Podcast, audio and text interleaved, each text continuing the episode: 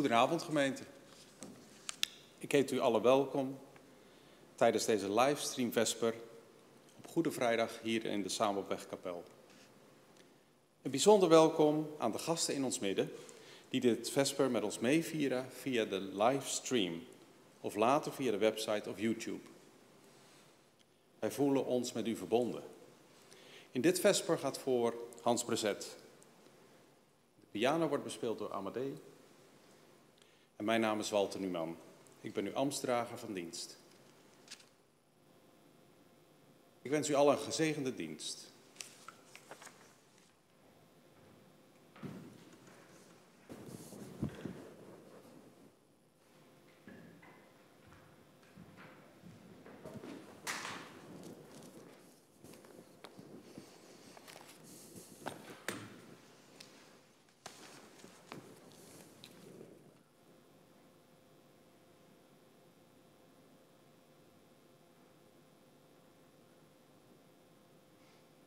Onze hulp is in de naam van de Heer, die hemel en aarde gemaakt heeft en die trouw houdt tot in eeuwigheid.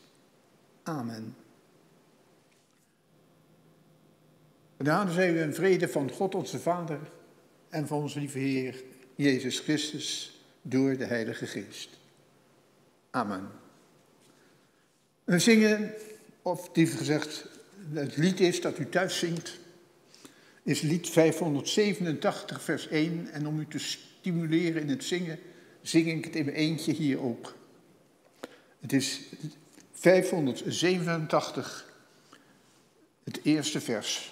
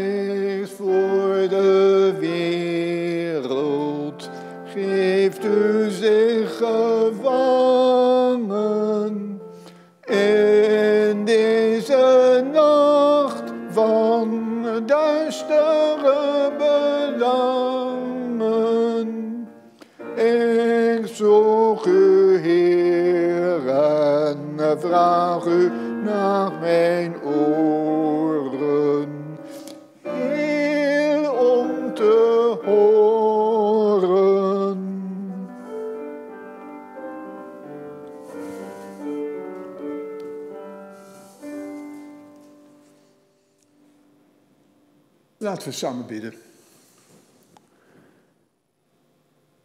Heer onze God, wilt u bij ons zijn, zomaar midden in de week, op een dag die zo centraal is in het koninkrijk van God, in de komst van Jezus, in het leven van Jezus.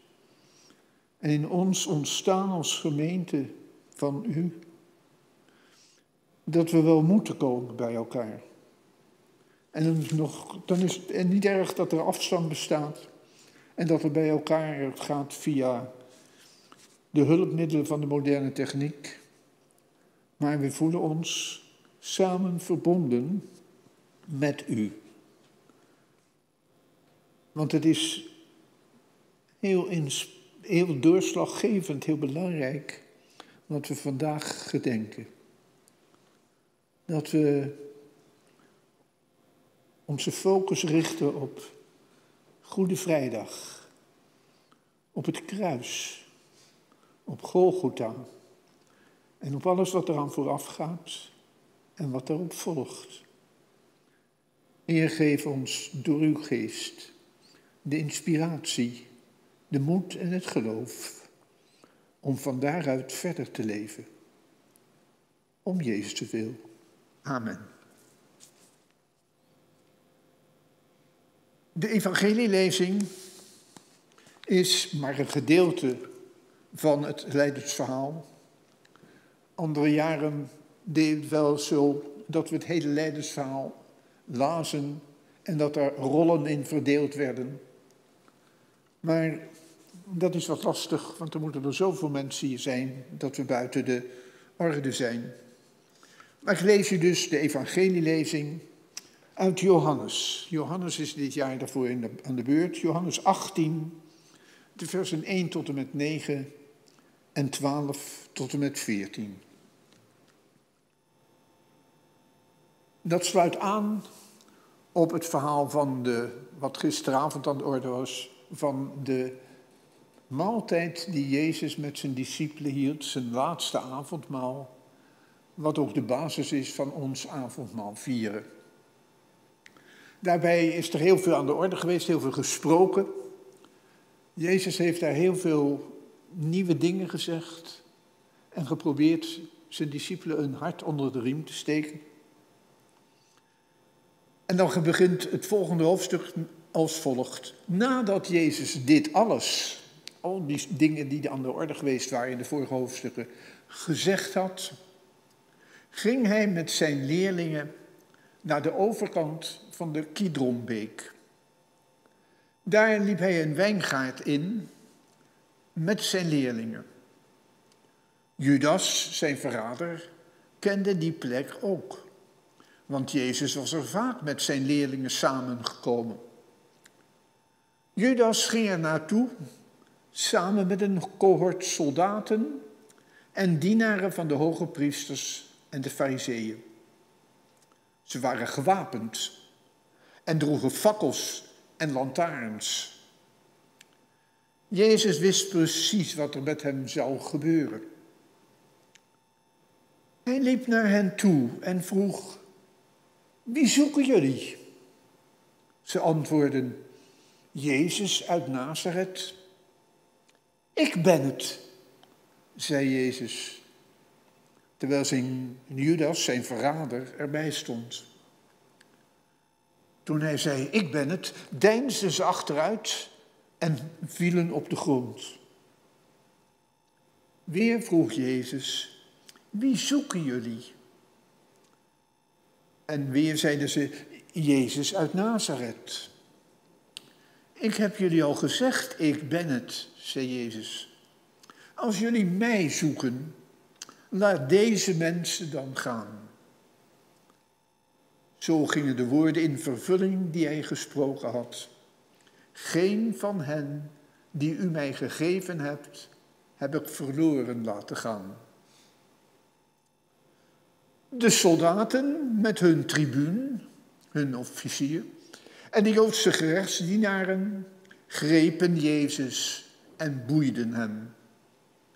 Ze brachten hem eerst naar Annas, de schoonvader van Caiaphas.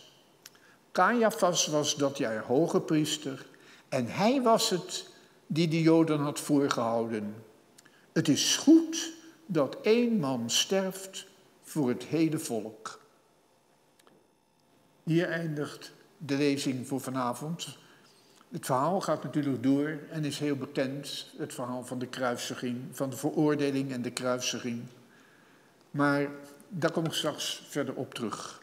We zingen nu, uh, of thuis, en ik doe het dan hier, lied 558, vers 1, 6 en 10.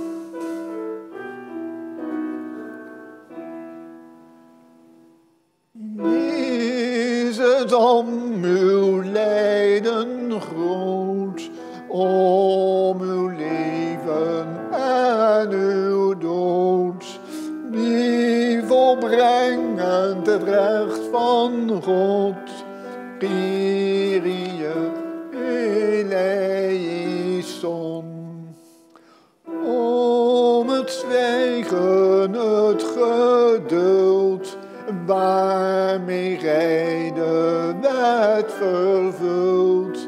Als men vruchtloos zoekt naar schuld,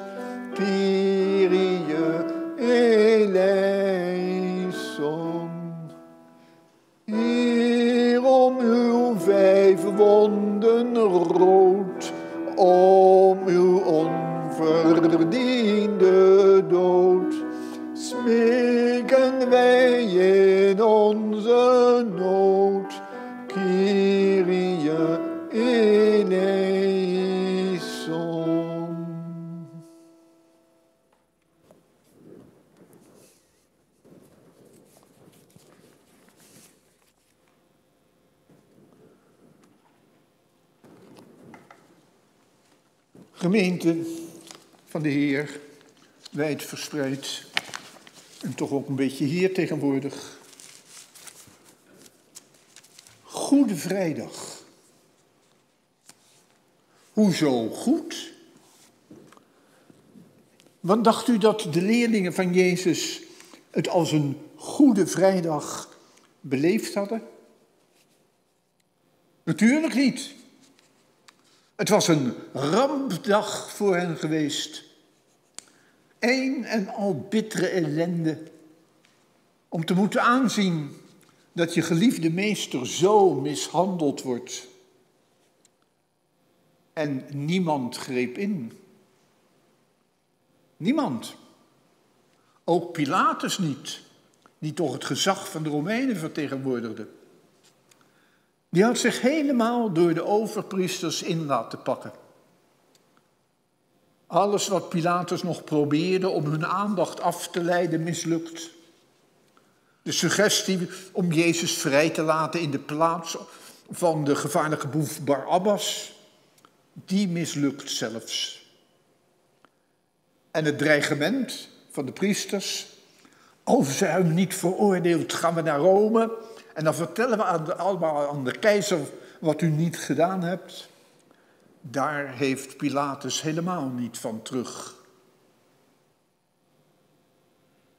De beschuldiging, de aanklacht tegen Jezus deugde natuurlijk van geen kanten. Dat was allemaal gemanipuleerd. En niemand, niemand greep in. Niemand, ook God niet. Zoveel onrecht, zoveel opgekropte ergernis en dan zo'n gruwelijke dood. Een volmaakt onschuldig mens aan een kruis laten doodbloeden. Zo'n lijden, niet om aan te zien. De messiaanse droom die de leerlingen hadden, verbleekt, verdwijnt. Die kunnen ze verder wel vergeten. Een gruwelijke dag vol onrecht en geweld. Zinloos geweld. Een zinloze dag. En hoe kunnen wij dat dan Goede Vrijdag noemen? Ja, soms als er iemand na een lang en pijnlijk ziekbed, zonder enig uitzicht op herstel, tenslotte toch sterft, dan zeggen mensen wel eens berustend, ach, het is goed zo. Maar ondanks de toespelingen die Jezus wel eens had geuit over een mogelijk sterven ooit en lijden onder wat de priesters en de uh, fariseeën besloten hadden, dat was allemaal niet overgekomen. Ondanks dat hadden ze nu helemaal niet de neiging om het woordje goed in de mond te nemen. Integendeel, volledige ontreddering en diep verdriet is hun deel. Ze waren lam geslagen en ze druipen af met groot verdriet. Wat een vreselijke dag. De enige in dit hele verhaal die het woord goed in de mond durfde te nemen, is Caiaphas. Caiaphas, de hoge priester. Daarvan staat in dit verhaal, het is goed dat één mens sterft voor, de hele, voor het hele volk.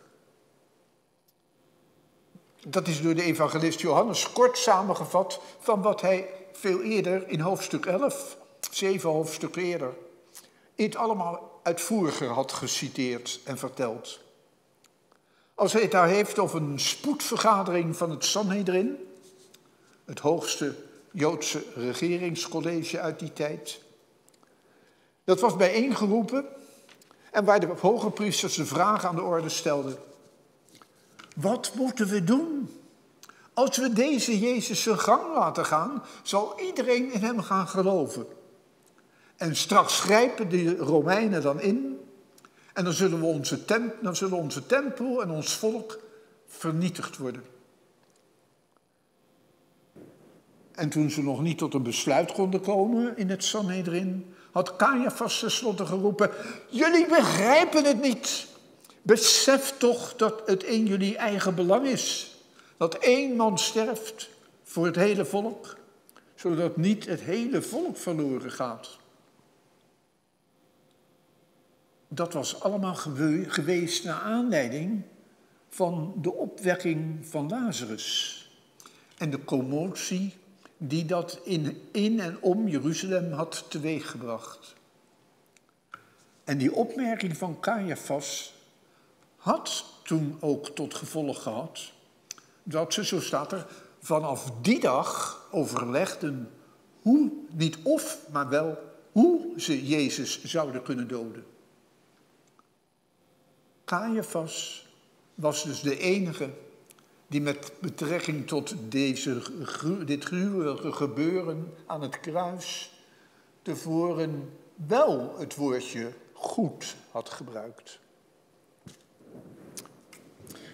Nou is uh, goed, het woord goed in het Bijbelse spraakgebruik wel iets anders dan wat het bij ons op school vroeger betekende. Toen was goed niet fout.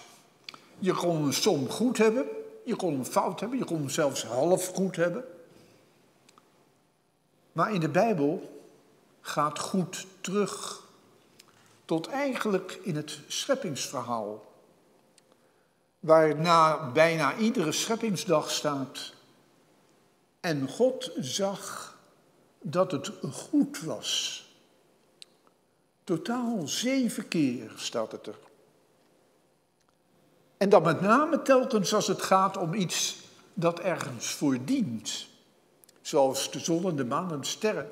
Om licht te geven en, en de tijd van dit jaar en, aan te geven en dag of nacht. En zo zijn er meer dingen die ergens toe dienen.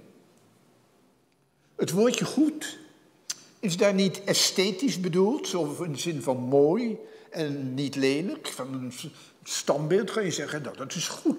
Dat is goed gemaakt. Maar, en het is zelfs ook niet moreel in de zin van goed en kwaad. Maar het is in Genesis 1 telkens doelgericht. Iets wat ergens toe dient. Dat is goed.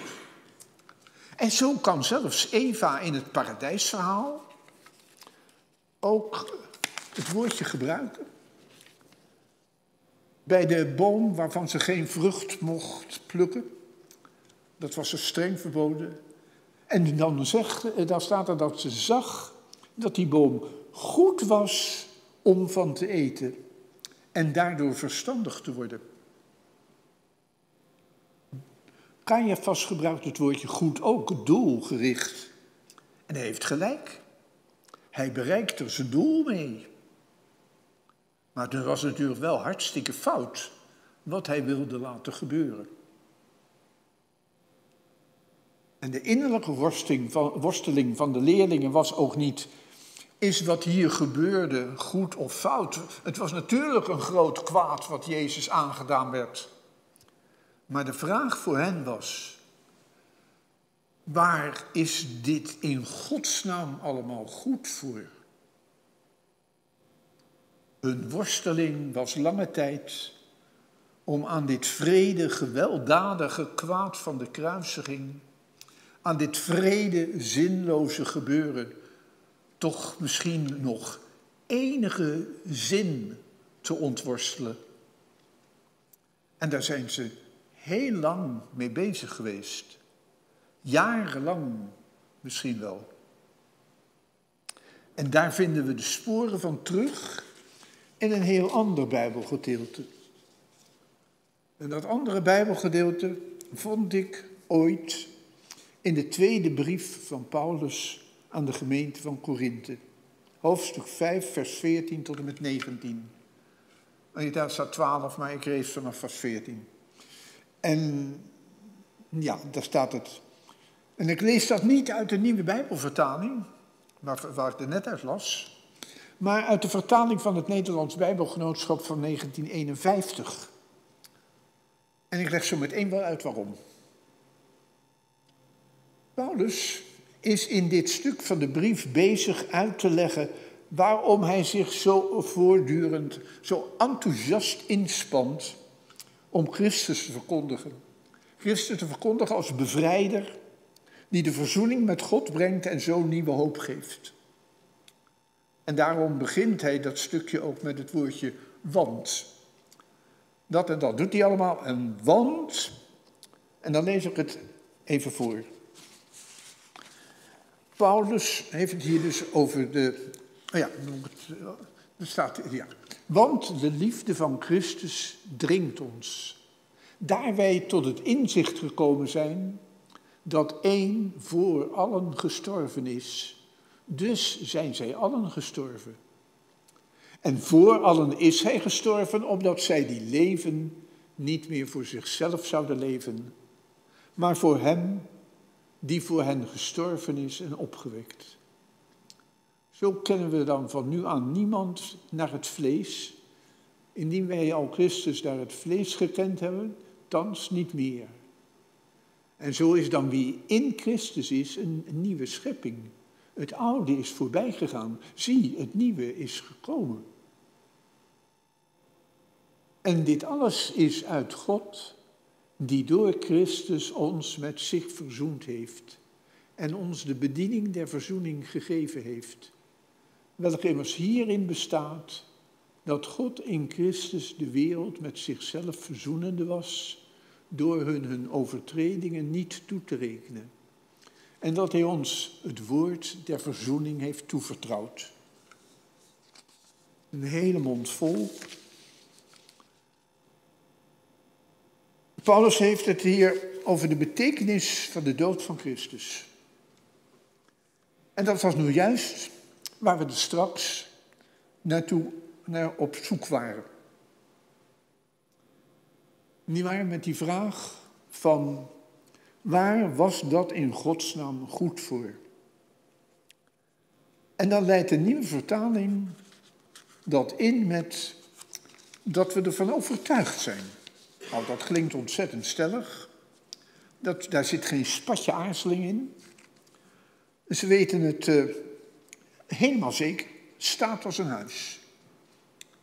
Dan zitten er natuurlijk wel een enkele tientallen jaren tussen uh, de kruisiging en het schrijven van deze brief. Dus dan kan er een heleboel gebeurd zijn, een heleboel doorgedacht zijn. Ongeveer 23 jaar zal het zijn geweest tussen de ontreddering van Jezus' leerlingen destijds en nu de stelligheid van Paulus' brief. Hij weet nu 100% zeker wat die betekenis is. Mag ik de volgende even zien? Ja, daar hebben we nog even het begin van de lezing even teruggepakt. Uh, want daar gebruikt Paulus in zijn brief een werkwoordsvorm die wij helemaal niet kennen, die een beetje in het Grieks hebben ze die extra, die een beetje inhangt tussen verleden en tijd, verleden tijd en tegenwoordige tijd. En die kan daarmee aanduiden, een van de mogelijkheden betekent ook meer, maar er kan betekent aanduiden dat er een hele verandering aan vooraf is gegaan. Wij zeggen dat meestal met een voorvoegsel van eh, bijvoorbeeld voorvoegsel ver. Uh, je kan een huis hebben en dat, eh, dan ga je, en, dan heb je het gebouwd. En dan uh, is er niet goed, dan heb je het weer op een andere manier gebouwd. En dat noemen we verbouwen. Dat is de verandering die er tussenin zit. Maar bij, in het Grieks ga je dat aan de werkwoordsvorm zien. En,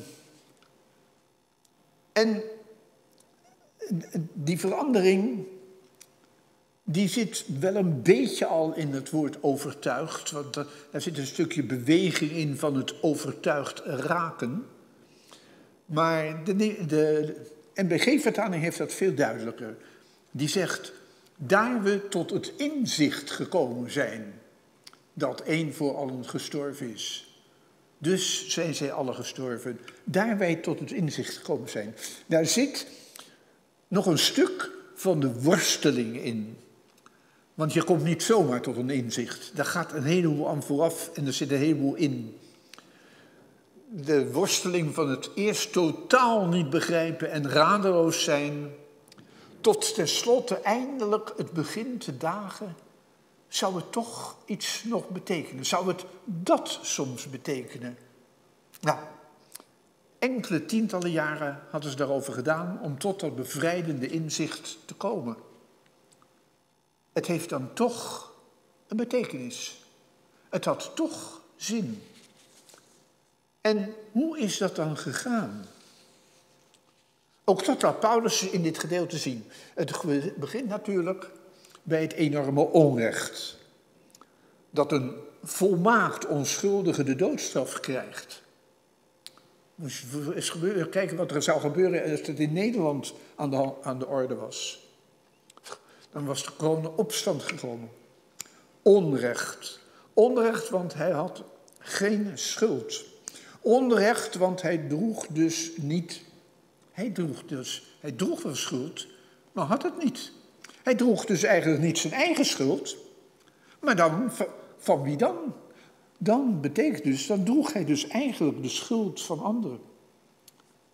Het is net als wanneer je iets betaalt wat je niet, uh, wat, wat je niet uh, nodig hebt, wat je niet gekocht hebt.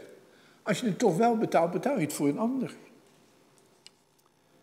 Maar, want hij kreeg wel de doodstraf. Dat is met je leven betalen voor de schuld die je hebt. En hij heeft dus met zijn dood een straf gedragen die hij niet had, maar een straf van anderen.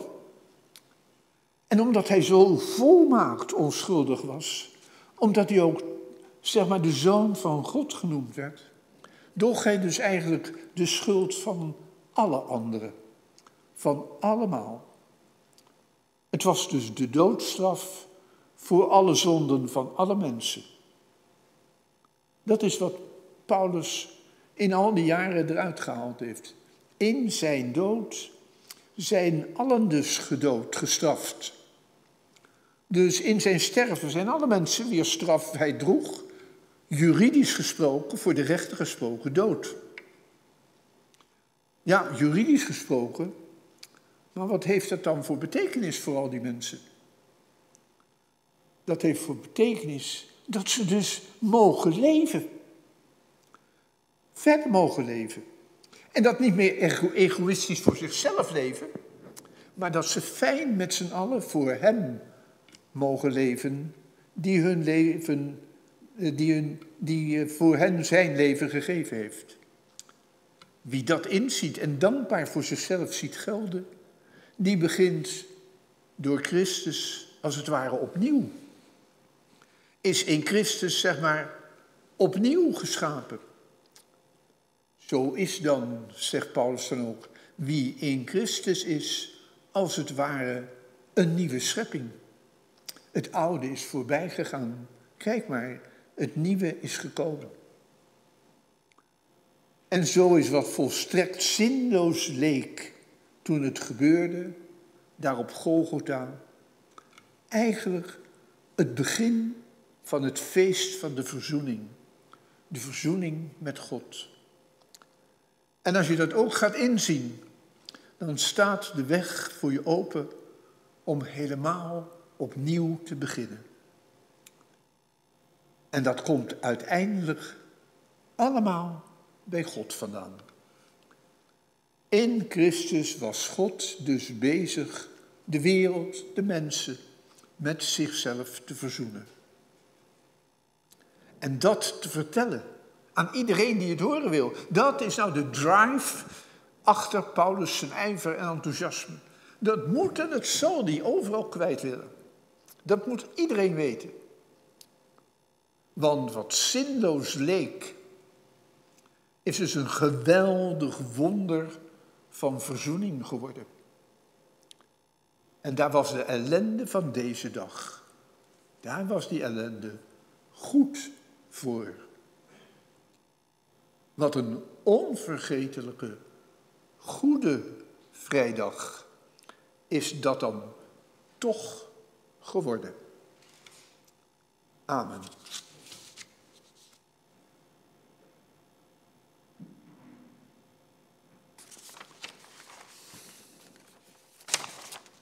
Het lied dat, we, dat er nu gespeeld en gezongen zal worden is lied 566. Midden in de dood zijn wij in het leven.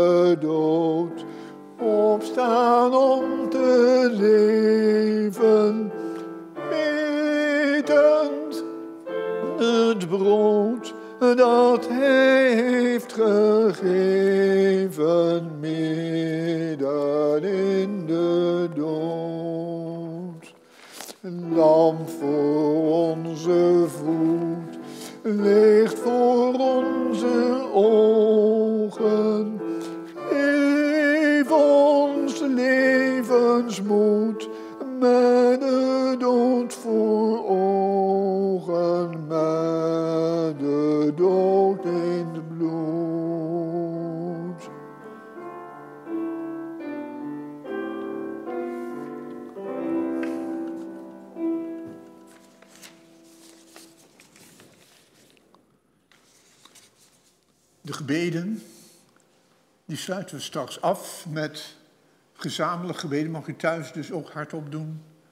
Eh, van het avondgebed van Luther. Dat staat in gele lettertjes op uh, afgedrukt. Laten we samen bidden. Heere God, we danken u voor een stukje doorkijk. Een stukje wonderlijke bemoediging die uitgaat van waar de discipelen en ook Paulus zoveel jaren mee bezig zijn geweest. Waar was dat goed voor? En we hebben het gevonden. Ze hebben het ontdekt hoe u ermee bezig was. Hoe u bezig was met onze wereld en met ons.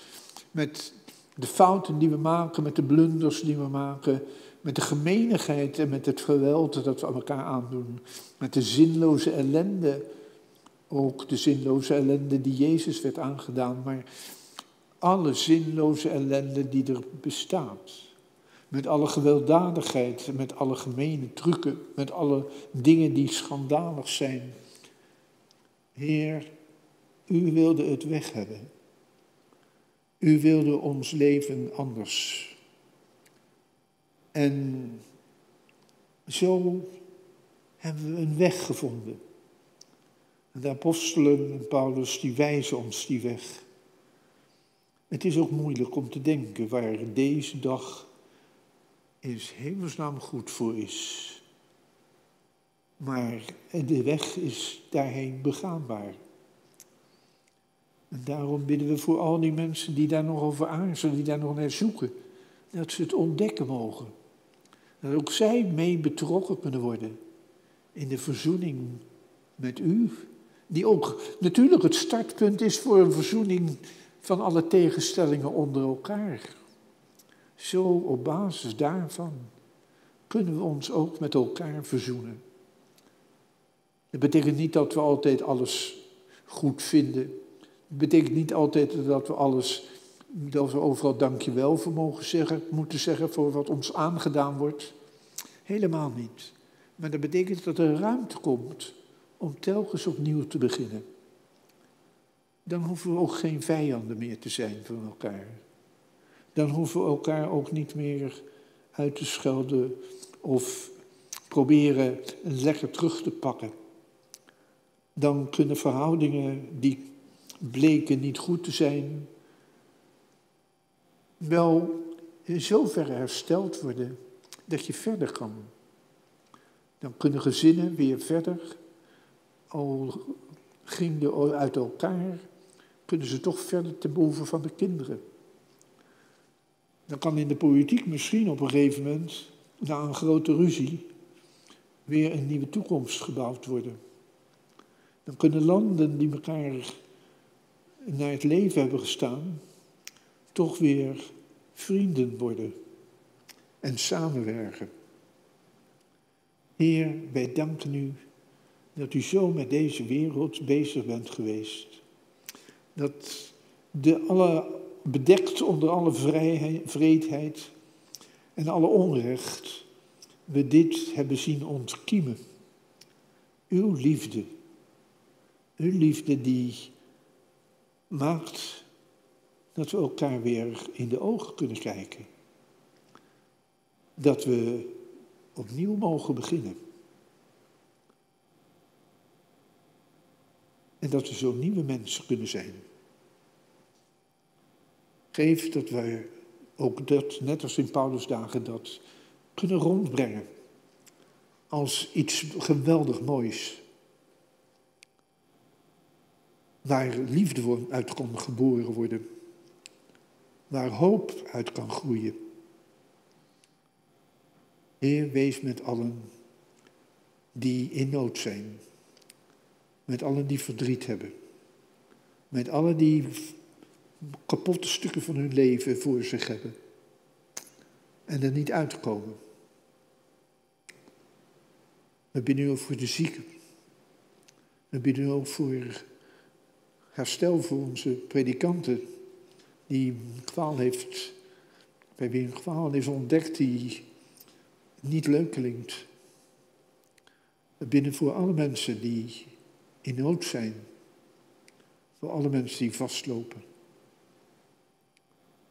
En we besluiten met het gebed wat Luther ons geleerd heeft. Heer, blijf bij ons, want het is avond en de nacht zal komen. Blijf bij ons en bij uw ganse kerk aan de avond van de dag, aan de avond van het leven, aan de avond van de wereld. Blijf bij ons met uw genade en uw goedheid, met uw troost en zegen, met uw woord en sacrament. Blijf bij ons wanneer over ons komt de nacht van beproeving en van angst, de nacht van twijfel en aanvechting, de nacht van de strenge, bittere dood. Blijf bij ons in leven en in sterven, in tijd en eeuwigheid. Amen. En hoe ging het verder Want het verhaal hebben we natuurlijk halverwege afgebroken. Toen wist Jezus dat alles was volbracht. En om de schrift geheel in vervulling te laten gaan, zei hij: Ik heb dorst. En er stond daar een vat water met azijn. En ze zagen er een majoraantak met een spons in en brachten die naar zijn mond. En nadat Jezus ervan gedronken had, zei hij: Het is volbracht. Hij boog zijn hoofd en gaf de geest.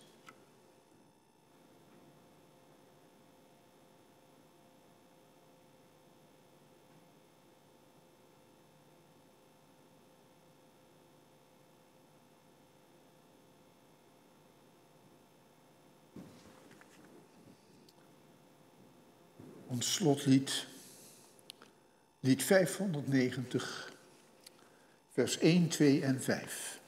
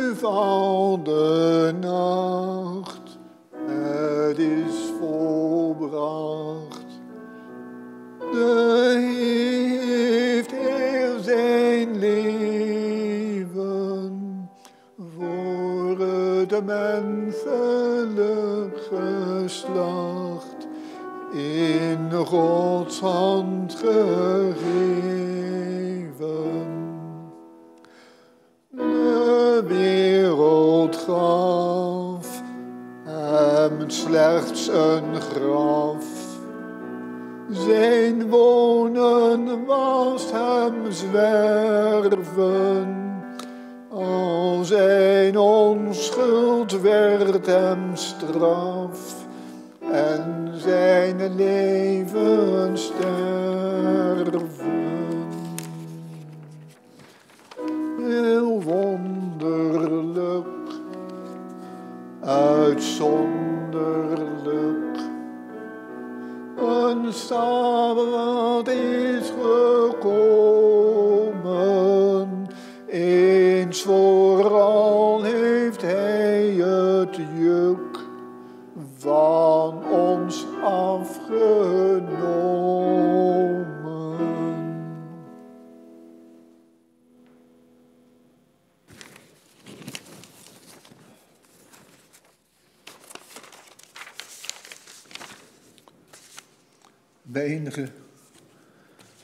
Goede Vrijdag vaak met een zegenbede en niet met de zegen gegeven. Want we zijn, of we nou ambtsdragers zijn of niet, we zijn allemaal klein in, op deze dag. Ontvang dan nu de zegen van God. De Heer zegene ons en behoede ons. De Heer doet zijn aangezicht over ons lichten en zij ons genadig. De Heer verheffe zijn aangezicht over ons en geef ons vrede. Amen.